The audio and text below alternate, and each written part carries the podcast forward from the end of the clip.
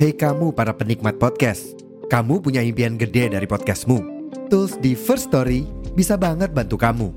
Mulai dari F-Link, Dynamic Audio Insertion, sampai statistik yang komprehensif, semua ada di First Story. Gak ketinggalan, kamu bisa monetisasi podcastmu lewat iklan dari First Story Ads yang bisa kasih kamu penghasilan dari setiap place podcastmu. Yuk gabung sekarang dengan klik di firststory.me.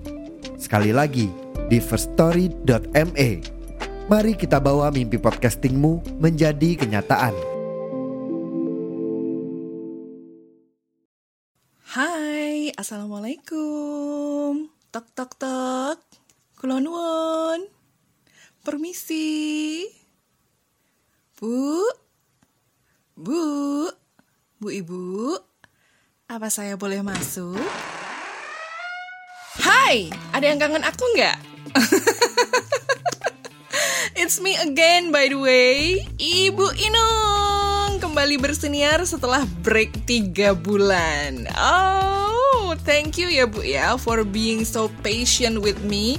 Nungguin aku ngepodcast lagi. And yes, starting today Ibu Inung akan hadir menemani hari-harimu Bu. Tentu saja di mana lagi kalau bukan di podcast Bu Ibu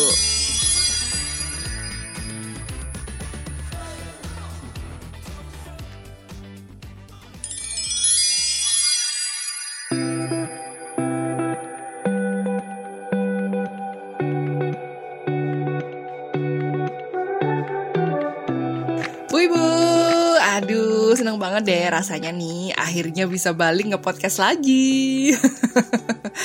Jujur li, aku tuh juga kangen banget sebenarnya untuk berbagi POV atau point of view alias sudut pandang terutama tentang hal-hal yang berkaitan dengan Bu Ibu ya, yang berkaitan dengan perempuan. Apalagi pas eh, break kemarin nih banyak banget isu-isu tentang perempuan yang bermunculan di masyarakat kita gitu dan banyak juga DM DM terus juga WA WA gitu ya yang nanyain eh Bu Inung kok nggak ngangkat isu ini sih? gitu. Kok nggak ngomongin tentang kasus ini sih? Padahal lagi rame banget loh di TV di berita di medsos di mana-mana gitu katanya. Hmm well iya sih bener bener. Eh, aku juga ngerasa sih Bu pas aku break itu ya Bu ya. Wah banyak banget hal-hal yang bermunculan di berita atau di medsos itu yang uh, deket banget kaitannya sama dunia ibu-ibu dan juga dunia perempuan gitu. Dan itu tuh kalau dijadiin materi podcast tuh udah bakalan bisa jadi banyak episode itu ya. Mungkin Bu Ibu juga bertanya, tapi kenapa kok kayaknya Bu Inung ini adem-adem wae gitu, alias nggak ngeluarin satu episode pun gitu ya. Aduh, gimana ya Bu ya? Gini Bu, Uh, aku boleh cerita ya, boleh cerita ya, boleh cerita. Uh, kenapa kok kesannya aku tuh off-nya lama banget gitu? Karena memang ya ada alasannya. Satu, uh, karena secara fisik dan mental aku tuh kelelahan setelah menyelesaikan challenge 30 hari bersuara di bulan Desember 2022 yang lalu. And to be honest, itu tuh bikin aku tuh overwhelmed banget gitu loh apalagi pernah di episode kesekian itu tuh aku ambruk gitu ya. Maksudnya uh, literally ngedrop ngedrop uh, apa physical aku tuh. Stamina aku tuh ngedrop dan akhirnya tuh aku uh, apa sakit. Flu lah influenza kayak gitu. Dan aku nggak bisa publish episode harian. Ya karena badan udah nggak kuat suara udah udah istilahnya hmm, ya sebenarnya nggak nggak bagus lah untuk buat recording kayak gitu. Nah, efeknya aku jadi harus kejar setoran nih numpuk tiga episode secara maraton begitu badan itu mulai recover. Meskipun suaranya masih bindeng tapi kalau badan udah mulai bisa diajak bangun, udah bisa diajak aktivitas harian itu ya hajar aja gitu. Tetap harus dikejar itu uh, episode yang ketinggalan kayak gitu. Karena meskipun udah ada tema harian dari panitia, kalau kita benar-benar blank mau angkat tema itu dari uh, POV yang mana, tetap aja bu, aku tuh nggak bisa gitu kan, nggak bisa dan itu nggak akan lancar. Aku akan stuck, stucknya itu akan lama gitu. Tapi karena deadline atau at least kita udah ngeset timeline dan deadline-nya sendiri ya, ya mau mau nggak mau itu harus dipenuhin gitu. Jadi ya sebisa mungkin uh, episode yang ketinggalan itu harus aku kejar gitu, ya. harus kejar tayang nih pokoknya. well, begitulah kehidupan content creator bu. Jadi memang kami ini ya kadang kena mind blocking yang akhirnya bikin kami jadi overthinking dan ngaruhnya ke fisik dan mental gitu lah. Exhausted lah gitu rasanya. Tapi apakah aku kapok dengan challenge-challenge kayak gitu? Ataukah aku kapok nge-podcast lagi? Oh, tentu tidak. Buktinya nih aku balik lagi kan buat nge-podcast karena memang aku suka dengan dunia podcast ini gitu ya. I like to share some point of view from myself tentang sesuatu hal apalagi uh, untuk ibu-ibu nih yang mungkin juga butuh butuh seseorang untuk uh, bercerita gitu ya. Mungkin juga butuh seseorang yang uh, understand you gitu ya. Maks uh, mengerti ibu-ibu dengan segala uh, kelelahan fisik dan mental karena banyaknya rutinitas domestik dan motherhood gitu ya. Jadi Bu, uh, singkat cerita demi menyelamatkan keberlangsungan podcastku ke depannya ini, jadi memang aku niatkan nih, pokoknya nanti kalau uh, 30 hari bersuara itu udah selesai, akhir tahun tuh ya, 2022 yang lalu itu, aku akan ambil break sejenak demi menyelamatkan mental dan fisik aku. Bukan berarti aku kena mental, enggak, enggak sih, enggak, enggak, enggak. Cuma aku aku uh, memang berniat untuk oke okay deh break gitu kan. Break aku mau mau break dulu gitu kan. Supaya apa? Supaya aku pun bisa menggeluti lagi kegiatan-kegiatanku dalam motherhood dan parenting. Dalam artian kegiatan itu bisa aku lakukan dengan benar-benar secara mindful dalam membersamai anak-anak setiap hari gitu. Dan keputusan untuk uh, break nge-podcast itu juga atas keputusanku sendiri ya bu ya. Bukan dari orang lain. Maksudnya aku tuh tahu bener gitu. Aku sadar I realize bahwa I need a break gitu kan. Nggak banyak loh sebenarnya orang-orang yang bisa menyadari bahwa dirinya itu butuh break dari segala hal yang bikin dia itu overwhelmed. Dan alhamdulillah saya men sangat menyadari bahwa I need a break gitu kan. Karena rutinitas dalam uh, mengikuti challenge ini tuh kemarin bener-bener yang yang saya nggak perlu ngomongin secara detail tapi saya overwhelm aja kayak gitu gitu. Dan dan ini kalau saya nggak break saya terusin bikin uh, episode mingguan yang seperti biasa bukan dari challenge itu mungkin akan bikin saya nggak uh, sehat secara fisik dan mental itu aja. Jadi meskipun mungkin gak ada komplain dari suami atau anak-anak terhadap intensitas aku kemarin selama Desember itu, uh, aku pun tetap merasa bahwa it's time for me to pull the brake gitu ya untuk injak rem, uh, stop, kemudian menepi kayak gitu. Supaya apa?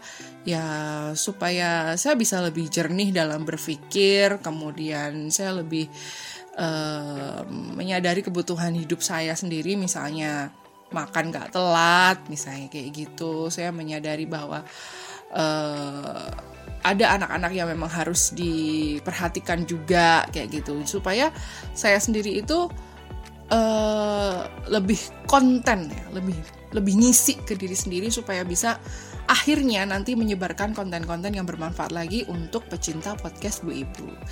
Begitu Bu ya jadi harap maklum. G g. Nyon ngapunten g bu g kalau bikin panjenengan itu kangen kali kulo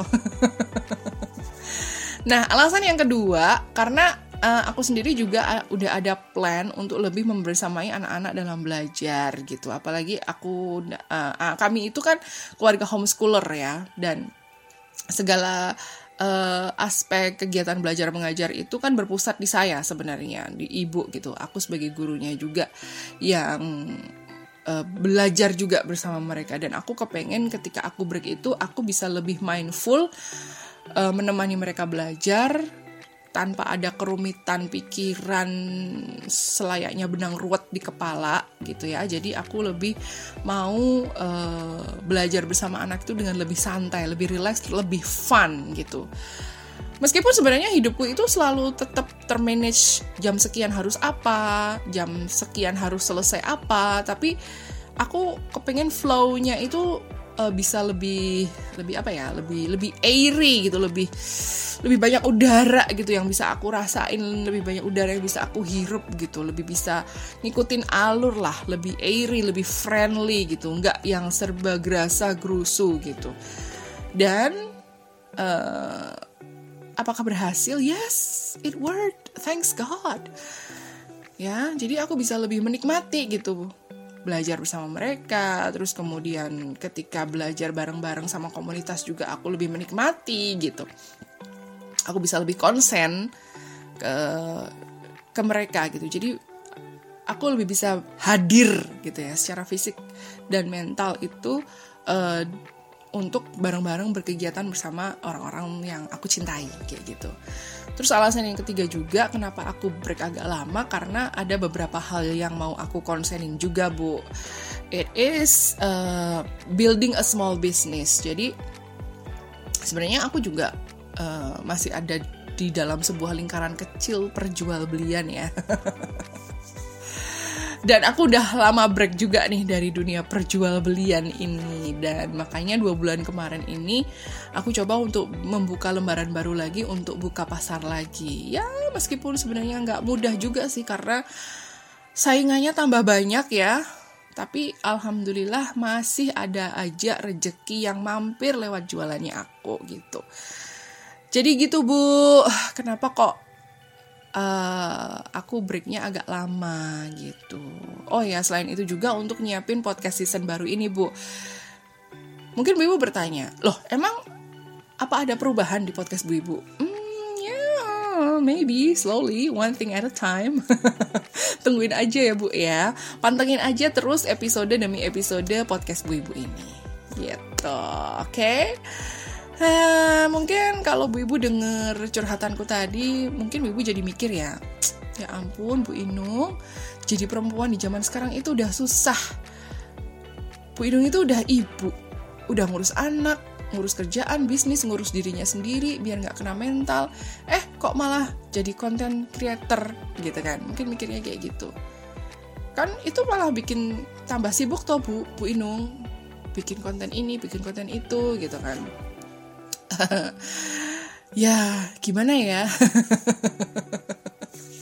Mungkin Bu Ibu berpikir seperti itu. Terima kasih, thank you for your concern.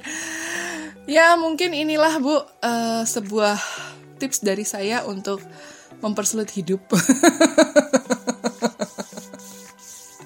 gak, gak, gak. No, no, I mean, uh, ya gini ya, yang namanya Bu Ibu tuh memang seperti ini ya Bu ya. Aku yakin banyak Bu Ibu yang setuju kayak gini. Udah tahu kerjaan domestik dan motherhood itu kayaknya nggak bakalan kelar-kelar gitu ya. Nggak akan selesai-selesai. Udah diberesin diberantakin lagi.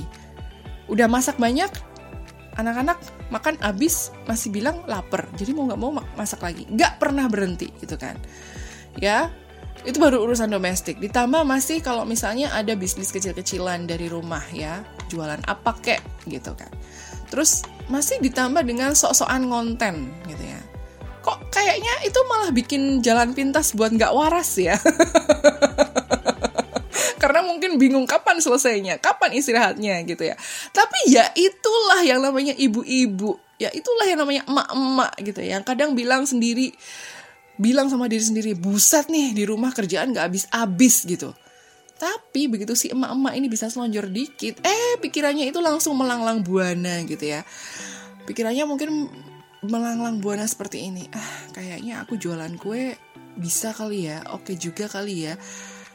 Kemarin itu banyak yang bilang kueku itu enak gitu, banyak yang doyan sama kue yang aku bikin. Kayaknya aku jualan kue aja lah mulai sekarang, misalnya kayak gitu. Lalu kemudian tanpa babi bu tati itu yang namanya bu ibu tuh kemudian udah mulai uplek-uplek pencak silat di dapur menghasilkan sesuatu sebuah kue tara gitu ya. Padahal sebenarnya itu udah waktunya untuk ngaso, maksudnya untuk istirahat, udah kelonan sama anak-anak, udah midnight gitu. Tapi ya itu tadi yang namanya bu ibu itu gitu. Kadang terbersit sebuah I don't know what to call it ide or uh, ilham atau apa yang intinya gak bisa gitu kalau misalnya gak gerak juga gitu. Ya gak sih? Ya gak sih bu? Setuju ya? Nah atau mungkin yang mak-mak zaman now nih yang Mahmud-Mahmud nih ya. Mama muda gitu kan. Punya pikiran wah bisa kali ya ngekonten di TikTok. Review-review kosmetik lah atau jajanan apa gitu.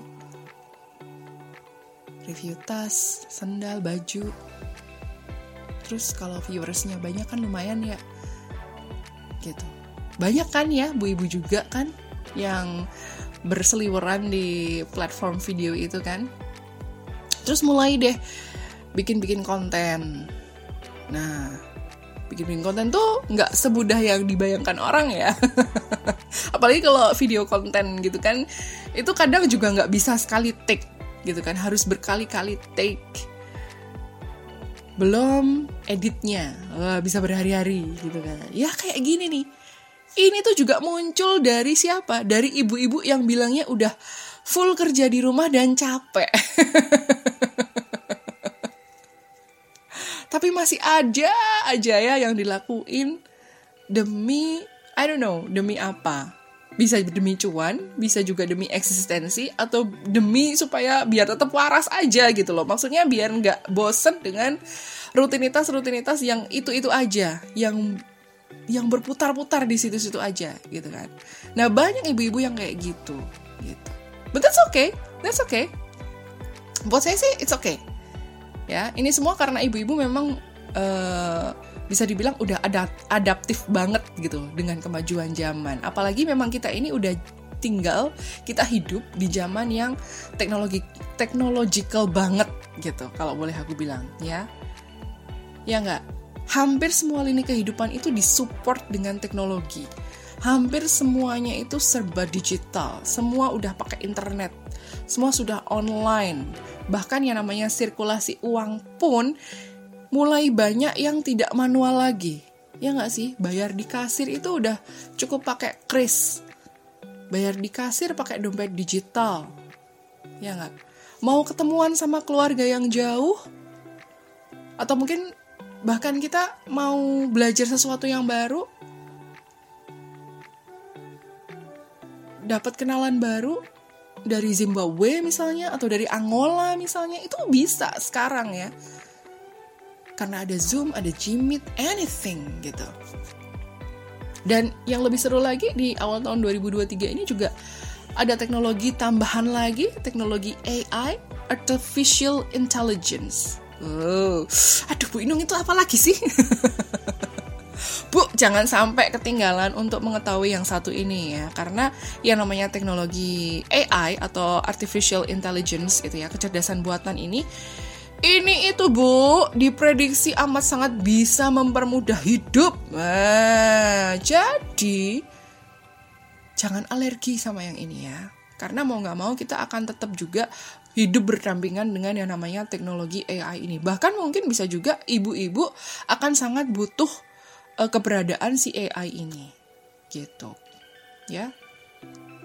Terima aja karena memang kita sudah hidup itu di, di era teknologi ya. Bentar lagi 4.0 atau ada juga yang udah mungkin mulai 5 4 5 5.0 ya kan. Ya ya ya ya.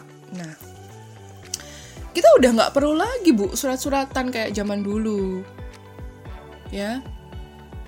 Udah nulis berlembar-lembar itu boros kertas sekali zaman dulu. Ya sangat tidak eco eco friendly boros kertas ngirim surat. Ya nyampe nya berhari-hari. Bahkan berbulan-bulan dulu kalau di zaman kartini ya. Eh ngomongin kartini ini ini tanggal 21 April ya Ya, berarti kita memperingati Hari Kartini dong ya. 21 April kan ini berarti kita memperingati Hari Kartini ya. Nah, sekalian nih Bu, coba bayangin kalau kita hidup di zaman Kartini atau di zaman sebelum Kartini. Bayangin. Yang ada bu ibu nggak bisa baca, nggak bisa tiktokan, nggak bisa IG IG-an, ya, nggak bisa ngezoom, no Gmeet anything, nggak bisa. Zaman dulu, zamannya sebelum Kartini, ibu hanya mungkin se seorang remaja putri, ya, yang cuma boleh belajar masak dan belajar jahit. Terus kehidupannya hanya nunggu untuk dilamar, lalu menikah, jadi istri dan ngelahirin anak, ngurus anak sampai gede repeat.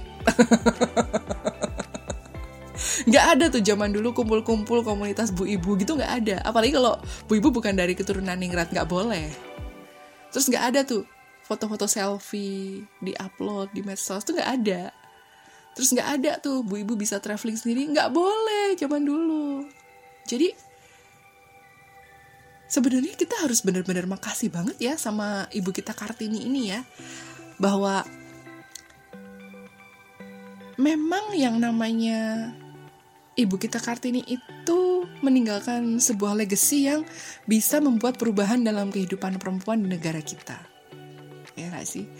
Dan cara memperingatinya jangan cuma dengan kompetisi berkebaya lah udah sangat-sangat usang itu menurutku. Karena nilai-nilai yang diajarkan Bu Kartini itu tuh kan nggak sebatas physical appearance aja toh dalam berkebaya ya nggak sih? Yuk yuk kita maknai lagi yuk. Nilai-nilai apa yang diajarkan sama bu, ibu kita Kartini ya kan? In my opinion Bu Gita Kartini tuh justru uh, ngajarin gimana supaya mindset perempuan itu bisa berubah dari yang awalnya nerimo-nerimo aja perlakuan terhadap perempuan menjadi uh, sebuah tekad gitu untuk belajar demi harkat martabat yang lebih tinggi yang bisa memperjuangkan haknya itu bisa uh, setara belajar seperti kaum pria waktu itu. Jadi nilainya bukan cuma sebatas kebayaan doang bu. Ya gak sih? Ya. And by the way, untuk peringatan Hari Kartini tahun ini, aku juga kok kayaknya nggak lihat ya banyak kontes berkebaya atau baju adat gitu. Apa mungkin karena hype-nya peringatan Hari Kartini itu ketutup sama suasana Ramadan ya? Ya kan? Hype-nya bukber buka bersama itu kayaknya lebih kental gitu dari hype lomba-lomba peringatan Hari Kartini. Gitu. Perhatian gak sih bu? Ya kan? But that's okay I guess. Karena sekali lagi memaknai emansipasi wanita itu bukan sebatas berlenggak-lenggok di panggung dengan keluasan berkebaya aja melainkan dengan apa bu dengan berdiri tegak dong, berjalan mantap di atas panggung kompetisi, beradu skill dan kemampuan dengan otak yang cerdas untuk kemajuan diri sendiri dan pengembangan masyarakat. Nah, yang ini setuju ya Bu ya? Setuju ya Bu ya? Jadi jangan mau kalah. Ya. Bu Ibu harus tetap belajar berapapun usianya. Karena Bu Ibu juga punya anak dan anak ibu juga akan belajar dari ibu. Gitu loh. Skill yang ibu yang ibu punya kemampuan yang ibu punya bisa ibu transfer ke anak-anak ibu.